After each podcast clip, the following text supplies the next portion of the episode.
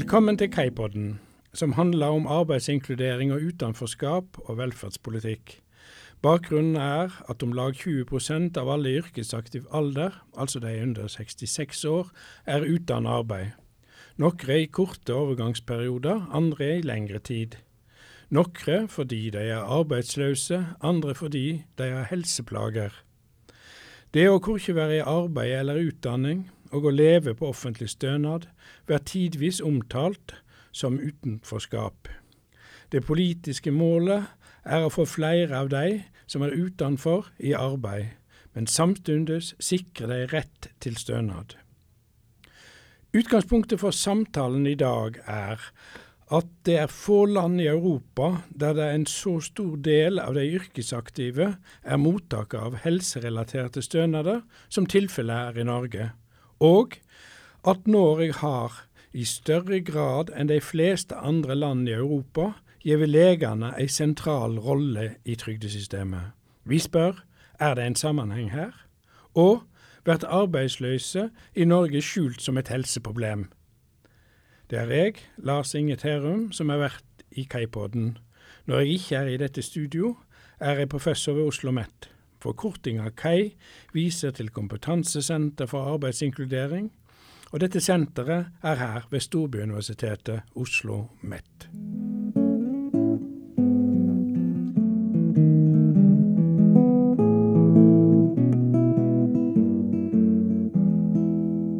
Gjest i dag er Georg Espolin Jonsson, lege og idéhistoriker og fram til nylig medisinsk sakkyndig rettsmedlem i Trygderetten. Velkommen, Georg. Takk skal du ha. Som lege så har du gjennom åra vært i veldig mange ulike roller. Du har vært allmennlege, du har vært i bedriftshelsetjeneste, overlege i Nav, og nå sist altså medisinsk sakkyndig rettsmedlem i Trygderetten. På, på hvilken måte er legeroller forskjellige i disse ulike settingene? Hmm.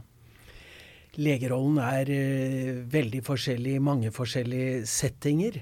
Uh, legerollen i Nav og legerollen i Trygderetten er jo ikke så forskjellig.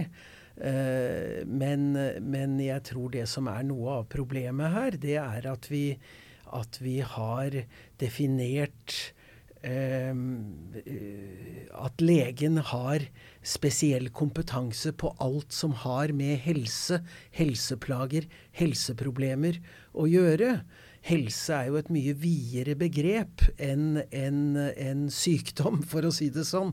Helse har jo samme eh, bakgrunn, språklig bakgrunn, etymologi som hellig og hel. Eh, og, og, og, sier egentlig noe om hele mennesket i samfunnet. Mens eh, gjennom ja, et par hundre år så har legen liksom fått hegemoniet over hele helseområdet, og kan på en måte si noe, eller eh, antas å kunne si noe om eh, hvordan mennesker fungerer i det store og hele, og ikke bare på grunnlag av det som er diagnostiserbar sykdom. Eh, så, så, et generelt svar på, på det spørsmålet tror jeg må ta utgangspunkt i det jeg sa nå.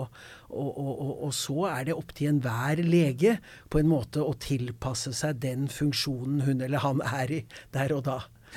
Og Vi skal komme mer tilbake til dette, men før det så kunne jeg tenke meg å si hva gjør en overlege i Nav? Hva, hva, hva er oppgaven der? Um, en overlege i Nav uh, skal jo først og fremst, vil jeg si, vurdere eh, vurdere saker for eh, Nav-kontorene. Se på om eh, en, en, en, eh, en, bruker, som det heter i Nav-terminologien, om en bruker er ufør pga. helseproblemer. I folketrygdloven så står det jo sykdom, skade og lyte. Det er det som er begrepet i folketrygdloven. Men både i forarbeidene til folketrygdloven og i Navs egne rundskriv så brukes begreper som helseutfordringer, helseproblemer, helsebegrensninger synonymt. Og dermed så er det en flytende overgang her. Eh, Men er det, er det først og fremst en kontrollør av det arbeidet fastlegen eller legen har gjort tidligere, eller er det en kontrollør av det Nav-veilederen gjør? Jeg vil si at det er begge deler. Det er et annet perspektiv eh, enn det Nav-veilederen har, og et annet perspektiv enn det fastlegen har. Eh, men Nav-leger fungerer nok veldig forskjellig, tror jeg. Men hvis vi da går til videre til eh, det å være sakkyndig rettsmedlem i Trygderetten. Hva, hva er jobben litt den samme der? Den er litt den samme, men det er forskjeller også. Og det er jo at i, i, i, i Nav så er, så er, man jo en del av forvaltningen, og dermed underlagt på en måte folketrygdloven mm. som sådan, og, og, og, de, og, de, signalene som kommer ovenifra. Eh, mens i Trygderetten så er det jo loven som er på en måte Bibelen i større grad. Det er den jo også i Nav, men i større grad i, i, i Trygderetten.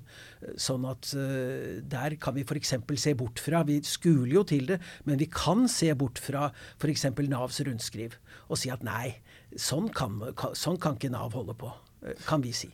Men, men, der kommer du tettere på juristene, er det, er det slik? Absolutt kommer tettere på juristene. Men uh, Er det spenninger mellom det medisinske perspektivet og det mer rettslige perspektivet i Trygderetten? I begrenset grad. Det er klart at det hender at uh, en, en uh, medisiner f.eks. dissenterer, da. Men, men, jeg syns nok det er like vanlig at en f.eks. at en medisiner og en jurist er enige, og at en annen jurist dissenterer. Så, så det, er, det er ikke noe motsetningsforhold, ikke noe sterke motsetninger. Eh, du nevnte dette med at sykdom har vært sentralt kriterium i, i, eh, i, dette feltet som vi snakker om, og i trygdelovgivningen. Har tilløpet mellom sykdom og funksjonssvikt blitt klarere med åra? Altså, er det slik at eh, ekspansjonen i medisinen har gjort dette forholdet mellom funksjonssvikt og sykdom enklere å håndtere? Nei, Sånn er det ikke. Og jeg tror at uh, altså da, da, vi i 1909 fikk vår første lov om, om, om uh, sykepenger, så ble jo sykdomskravet innført som en kontrollmekanisme. Uh, for at ikke folk rett og slett skulle lure seg til penger som de egentlig ikke hadde krav på. Men det er jo, det er jo arbeidsuførheten som er den overordnede, det overordnede kriteriet. ikke sant? Og det som, det som skjedde fra starten, du kan si i 1909, så var det jo Eh, lite legene visste. Det var få uh, sykdommer, for å si det sånn, som kunne diagnostiseres presist. I dag så er vi jo i en helt annen situasjon, selvfølgelig, med det. Men det som er interessant, det er at de uh, sykdommene, som i hvert fall de som volder oss besvær hva gjelder rett til trygdeytelser i dag, de er fremdeles stort sett, må fremdeles stort sett baseres på pasientens Uh, utsagn om plager og funksjonsnedsettelse. 'Jeg får det ikke til. Jeg har så vondt i Gud vet hvor.' Et eller annet sånt. Ja, ja, er akkurat. Og, og, men la oss først prøve altså, Det er slik at leger skriver en legeerklæring. Denne legeerklæringen, handler den først og fremst om sykdommen, eller handler den om funksjonsevna til pasienten? Eh, veldig varierende. Eh, jeg pleier å si, jeg burde kanskje ikke si det her, men jeg gjør det likevel, at eh, fastlegene er våre beste venner og våre verste fiender. hva mener du med det? Fra et Nav-ståsted. Jo, det skal jeg forklare. med det så mener jeg at altså de, de fastlegene som ser helheten, som vurderer hele, altså vurderer pasientens totale helsetilstand opp mot funksjonsevne og skriver godt om det, de er våre veldig gode venner. Så er det noen som ikke klarer å se utover den vonde skulderen, det artrosen i kneet, de dårlige øynene, et eller annet, den litt svake pusten, et eller annet sånt, uten å relatere dette til hva det egentlig handler om, nemlig arbeidsevne. Og som ikke klarer, og det er veldig vanlig, som ikke klarer å se de, de, de, de sosiale begrensningene i, eh, i uh, situasjonen. Var det disse siste legene du hadde i tankene når du en gang skrev at diagnosetenkning og resonneringsmåter i medisinen medvirker til at plager blir sykdom og personer blir pasienter? Mm. Var det, var det ja, det, det, det, er jo helt opplagt, går jo inn på det. Når jeg da skriver 'plager blir til sykdom', så har jeg nok i den sammenhengen, jeg husker jo ikke akkurat hvor det kommer fra, tenkt på det tradisjonelle sykdomsbegrepet. Eh, men hvis vi utvider på en måte eh, de sykdomsbaserte ytelsene til å dreie seg om helsesvikt, mm. så, vil jo, så, vil jo, plager også føre til helsesvikt. Ja. Og det er veldig, veldig viktig i denne ja. sammenhengen. Ja. Og, det, og, du nevnte det litt her tidligere, at, eh, at disse diagnosene som nå er svært sentrale i forbindelse med de helserelaterte ytingene, eh, de befinner seg kanskje i ytterkanten av den medisinske vitenskapen. Altså De må basere seg i stor grad på hva pasienten forteller eller rapporterer om i sitt liv. Det, det, er helt riktig. Og så er det jo naturligvis også sånn at, eh, at eh, personer som f.eks. har en vond skulder, eller har en hofteleddsartrose, eller har nedsatt lungefunksjon, eller et eller annet sånt, som vi kan måle og se, eh, de vil jo i veldig stor grad um, Uh, bruke det for alt det er verdt hvis de ikke ønsker å være i jobb. Hvis de har en jobbsituasjon som er vanskelig. Mm. Du sa i stad at Norge er et av de landene i verden som, som, har flest på helserelaterte ytelser, og det er jo selvfølgelig riktig. Men vi har jo ikke flere enn en sammenlignbare land på ytelser overhodet, eller utenfor arbeidslivet, da, er riktigere å si. Og grunnen til det er at, er at de helserelaterte ytelsene er rett og slett mye høyere ikke sant? Eller i hvert fall høyere. Så du enn, antyder kanskje at arbeidsløse i Norge er skjult som helseplager? Ja, delvis er den det. Men altså en del av det, mange eh, av dem som også går, får arbeidsledighetstrygd, eller som ikke får helserelaterte ytelser, de har jo helseproblemer. Mm. Og grensene her er uhyre diffuse. Og jeg er ikke et øyeblikk i tvil om personlig at mange som i dag eh, går på sosialstønad og eh, også arbeidsledighetstrygd eller dagpenger, de, de, har helseproblemer som egentlig kvalifiserer for trygdeytelser. Men, men, dette at uh, så mange av de som får uh, stønader, har såkalte diffuse lidelser, altså lettere psykiske lidelser, muskel-skjelettplager osv. Sånn. Er ikke det da et paradoks at legen er så sentral når det er på en måte diagnoser som ligger i ytterkanten av medisinske vitenskap? Jo, og det er jo, som jeg allerede har vært inne på, historisk betinget.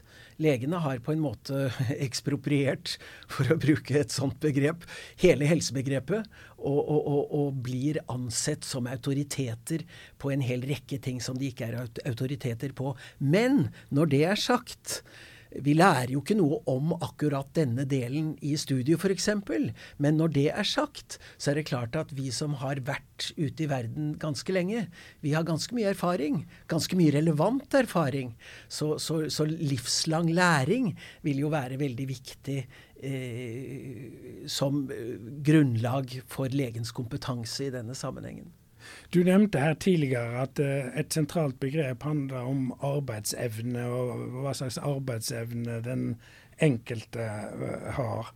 Og, og, når man skal vurdere forholdet mellom funksjonsevne til pasienten og arbeidsevne, er ikke det et ganske krevende eh, øving? Altså Er ikke det mange andre faktorer enn sykdom som spiller inn i det forholdet? Jo, naturligvis. og, og, og det spørsmålet jeg alltid har stilt meg, både i Nav og i Trygderetten, det er jo veldig sånn retorisk og forenklet, naturligvis, men likevel.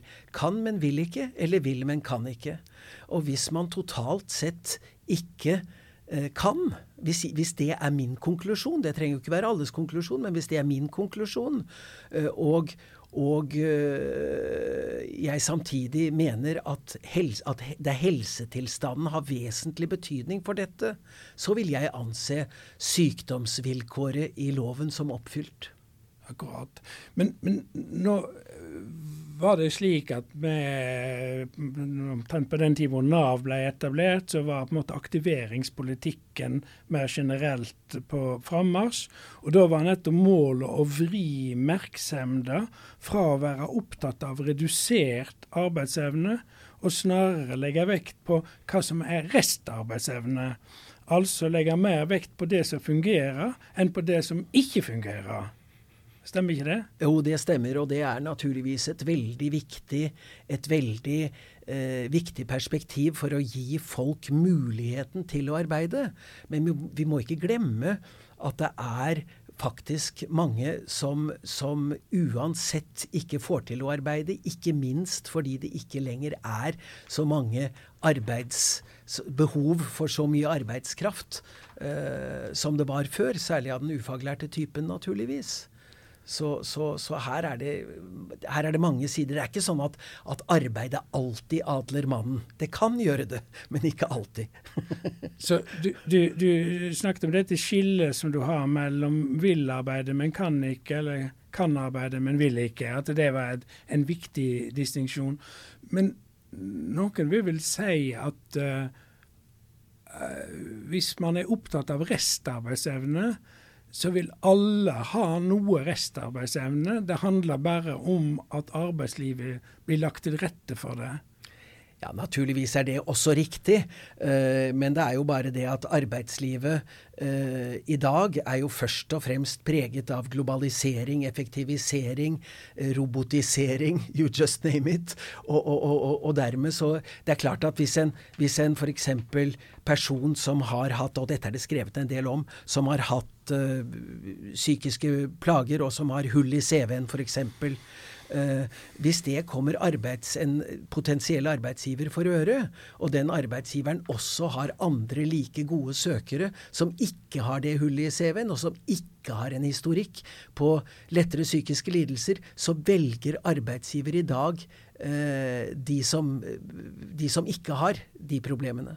Og, og, og, og det, vi, uførhet må ses i relasjon til det eksisterende arbeidsmarkedet, og ikke i relasjon til et eller annet teoretisk arbeidsmarked ø, om hva man faktisk kunne ha gjort hvis det hadde vært arbeid til en der ute.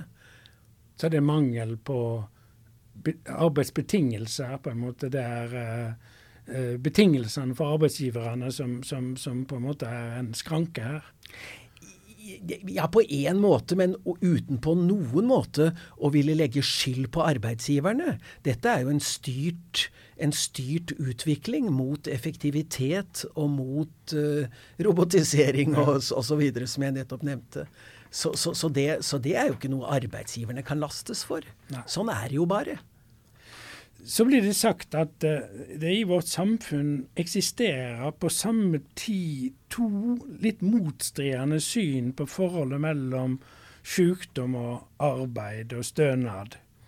Det ene det legger vekt på at de syke bør sikres stønad, og så eventuelt bli friske igjen og eventuelt arbeidsklare igjen. Altså det å beskytte mot eh, inntektstap. Det andre perspektivet det er at nei, arbeid og aktivitet det er nettopp noe en blir frisk av. Slik at her ser en på arbeid på to ganske forskjellige måter. Er det slik at dette synet lever parallelt, disse to synene lever parallelt ute i, i Nav? Jeg tror på mange måter det er et litt galt spørsmål, fordi, fordi fordi eh, kanskje, kanskje, det overordnede spørsmålet er hva er arbeid? Ikke sant? Og vi har en sånn tendens til at arbeid det, det er identisk med lønnet arbeid, hvilket er det rene tøv, naturligvis. Uh, vi vet jo veldig godt hvor mye, uh, hvor mye Eh, frivillig arbeid som gjøres. Og det er klart at alt arbeid som dreier seg om omsorg for f.eks. barn og, og uh, gamle foreldre, uh, det er jo bare en historisk grunn til at det ikke har vært lønnet. Og så er det sånn at selvfølgelig staten har overtatt, eller det offentlige har overtatt mye av ansvaret for den type arbeid. Men, men, men, men, det har jo ikke hengt med i den forstand at, det er blitt, at, at vår private innsats er overflødig. Mm. Og tenk på alle Eh, på alle ideelle organisasjoner, alt foreningsarbeid, alt frivillighetsarbeid som gjøres. Det er klart at dette er arbeid. Så det som er frågan, det er om man har noe meningsfylt å gjøre, ikke om man har lønnet arbeid. Så du beveger deg i retning av å argumentere for en eller annen slags type borgerlønn, eller en eller annen slags type eh, at folk skal få penger, litt uavhengig av om de er i lønnsarbeid eller ikke? Ja, absolutt. Absolutt. Og så kan man spørre seg om, om uh, uh, i hvilken Altså hvor grensen går mellom det å tvinges til, eller i hvert fall sterkt stimuleres til lønnsarbeid. Og det å kunne bestemme selv, altså helt selvbestemt. Jeg vil heller gjøre noe annet enn å arbeide og få penger av staten. Og det er klart at, at lønnsinsentivet i seg selv, for man kan jo ikke ha en borgerlønn eller grunnlønn eller kall det hva du vil, som, som, som er skyhøy. Uh, og det er klart at insentivet til å jobbe vil bl.a. være avhengig av hvor den det nivået settes. Men jeg er helt klart, særlig i en, i en situasjon hvor, hvor, hvor, det blir stadig mindre arbeidskraft, nei, behov for arbeidskraft der ute, eh, så er jeg helt klart uh, veldig fascinert av tanken av at uh, vi må ha en eller annen form for borgerlønn. Men tenker du deg at denne borgerlønnen skal komme i stedet for velferdsstatens ytinger, eller er det et supplement til velferdsstatens ytinger? Ja. Jeg er nok uh, mest der at uh, i hvert fall på litt sikt bør overta. Men fra starten så er det Altså dette er jo en, en omlegging som vil trenge flere tiår for å bli gjennomført ordentlig. Uh, men det er klart at hvis, hvis, en sånn ordning skal overta, så må den være høy nok til at man kan leve et godt liv sammenlignet med det vi ser som naturlig i dag, da, for å si det sånn. Men hva vil det gjøre med skattetrykket og arbeidsviljen til de som det, skal, det, må jo alltid lønnes å arbeide. Og da kan man jo tenke seg, i hvert fall veldig forenklet sagt, at den grunnlønnen eller borgerlønnen må ikke være så høy at folk uh, setter seg ned og sier at jeg vil heller spille gitar eller synge i kor eller gjøre, gjøre, hva som helst. Ikke sant? Det må jo være et insentiv. Men, men, men hvis det blir stadig færre jobber der ute, så kan det være at nettopp nettopp det å finne noe meningsfylt å gjøre, f.eks. å lære nabobarna å spille gitar, det er kjempeålreit, altså. Kjempeålreit. Vi skal tilbake til legerolla og denne sentrale plassen som uh, legene er tildelt i, i dette systemet. Hvorfor har du var jeg kort inne på det, men kan du utdype litt? Hvorfor blir leger tildelt så mye makt på, på dette feltet, når den medisinske vitenskapen i så begrensa grad kan belyse disse problemene? Eh, to årsaker. Den ene er rent historisk, som jeg har sagt.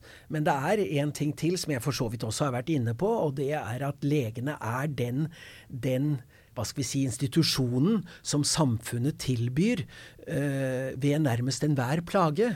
Og dermed så har jo leger, og, og, selvfølgelig helt spesielt fastleger, kanskje til og med bare fastleger, de har, jo, de har jo en veldig erfaring i å se hele mennesket.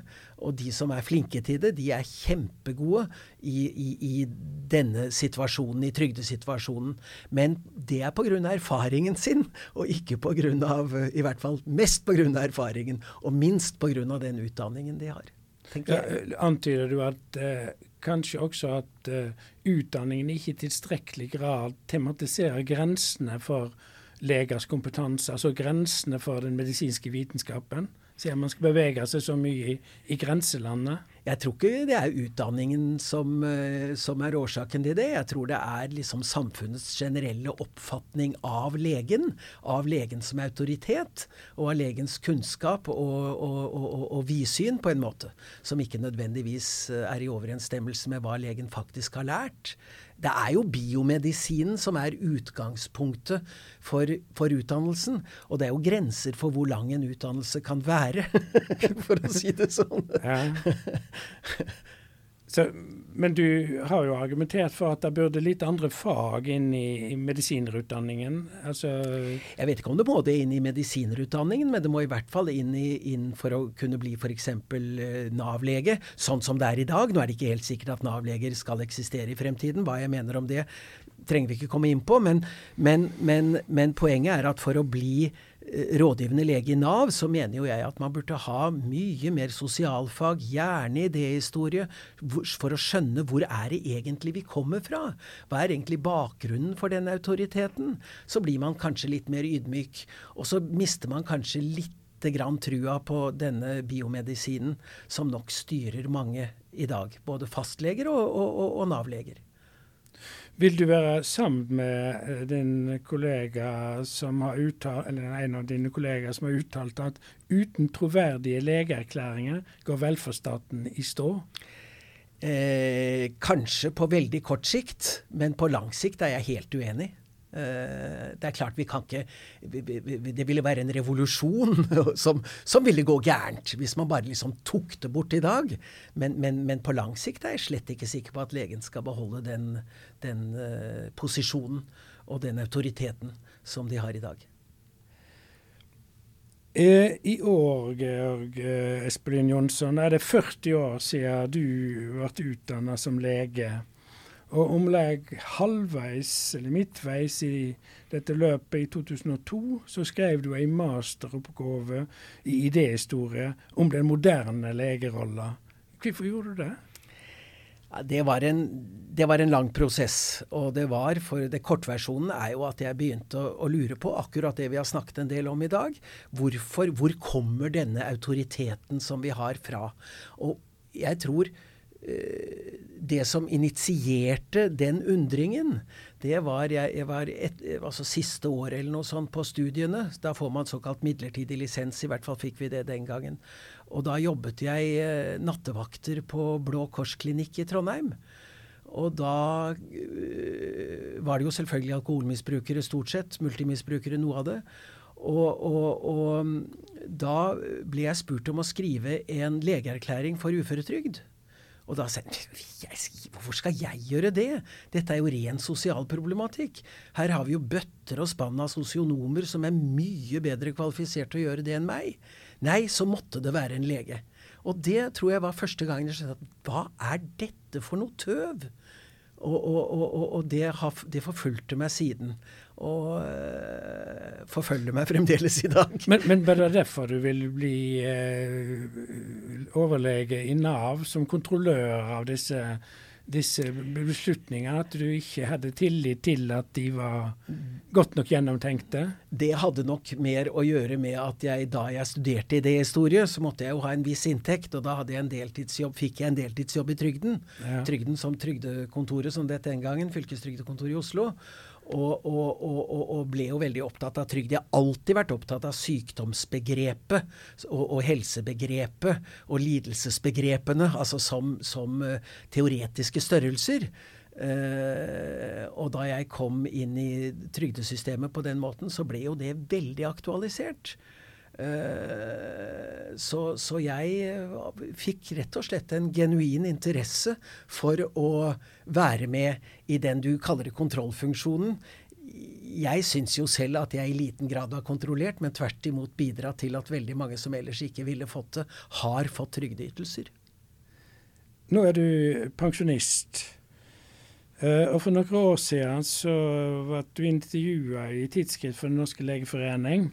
Og der ble du karakterisert som en klok kverulant. Skal du fremdeles engasjere deg i offentlig ordskifte? Ja, det tror jeg ganske sikkert. Det tror jeg ganske sikkert. Takk for samtalen, Georg Takk skal du ha. Takk skal du ha.